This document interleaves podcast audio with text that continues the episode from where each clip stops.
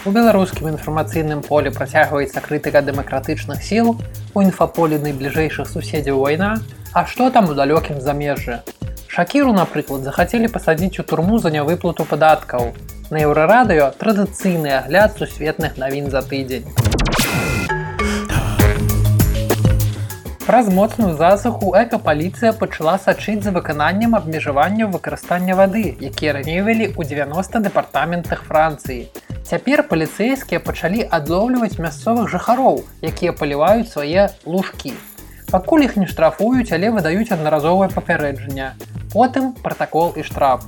У публікацыях французскіх СМ гаворыцца, што праваахоўнікі зрабілі за ўвагу ўладальніку гольф-клуба, а ў дэпартаменце нор выявілі штучны вадаём, у які вада цячэ з ракі. Гэта таксама забаронена ў перыяд засукі. У Францыі цяпер дзейнічае забарона на паліў у дзённы час садовых газонаў, а насельніцтва заклікалі эканоміць ваду і не заліваць басейны. Іспанская пракуратура запатрабавала для спявачкі шакіры больш за 8 гадоў турмы і штраф на суму больш за 23 мільёны еўра. Гэта даўні пазоў, які цягнецца з 2018 года. Па словах абвінавачання спявачка не заплаціла прыкладна 15 мільёнаў долараў падаткаў за 2011-2014 гады. У выніку судовага разбору артыстка выплаціла падаткі, але пазней падала апеляцыю, аднак іспанскі суд адхіліў яе.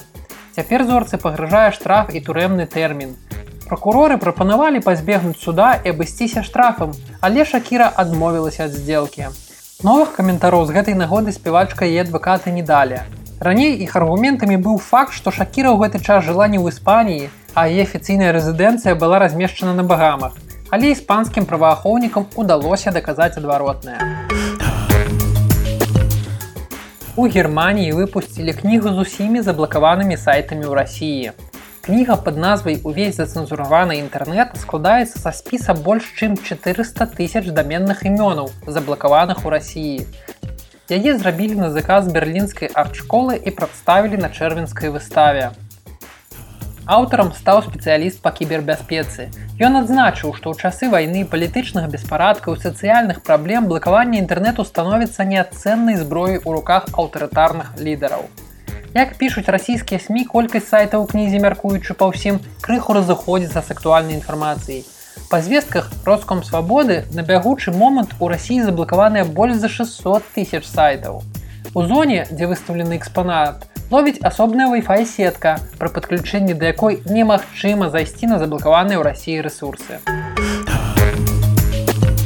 Сышла эпоха. З першага жніўня кампанія Кока-кола цалкам адмовіцца ад выкарыстання зялёнага пластыку ў вытворчасці бутэлек для напою спрайт і заменіць яго на празрысты ў рамках новай экалагічнай палітыкі. Цяпер кампанія ўпершыню з 1961 года будзе выкарыстоўваць празрысты пластик. Яго можна цалкам перапрацаваць. Кока-кола часта зазнае крытыку за негатыўны ўплыў на экалогію. У 2020 годзе арганізацыя Break Free From Plastic назвала кампанію сусветным лідарам у забруджванні планеты пластыкам. Лагатыпы і брэндынг газіроўкі знайшлі на 13 тысячах фрагментах выкінутага пластыку ў 51 краіне.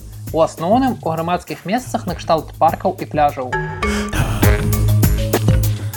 У ЗША пачалі выпускаць ядомы посуд. Гэта новы экатренд закусіць лыжкай, відэльцам, талеркай або саломінкай.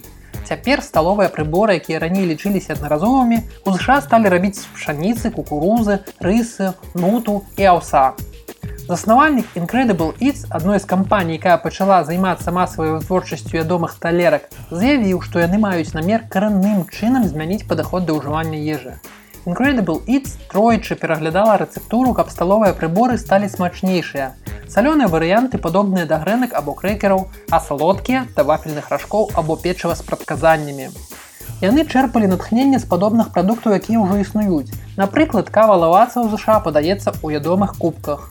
Або яшчэ ў аднаго праекта, які працуе над ядомым посудам біотрэм.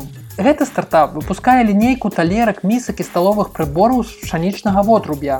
Посуд бяспечны для разагрэву ў мікрахвалёўцы, не змяшчае штучных інгрэдыентаў і падыходзіць як для гарачых, так і для халодных страў. З асноўных мінусаў такога посуду ён раствараецца або становіцца знато мяккім пасля доўга кантакту з ежай або напоямі. Відэльцы і нажы дрэнна рэжуць, а некаторыя спажыўцы не лічаць яго досыць ядомым для ўжывання ў ежу.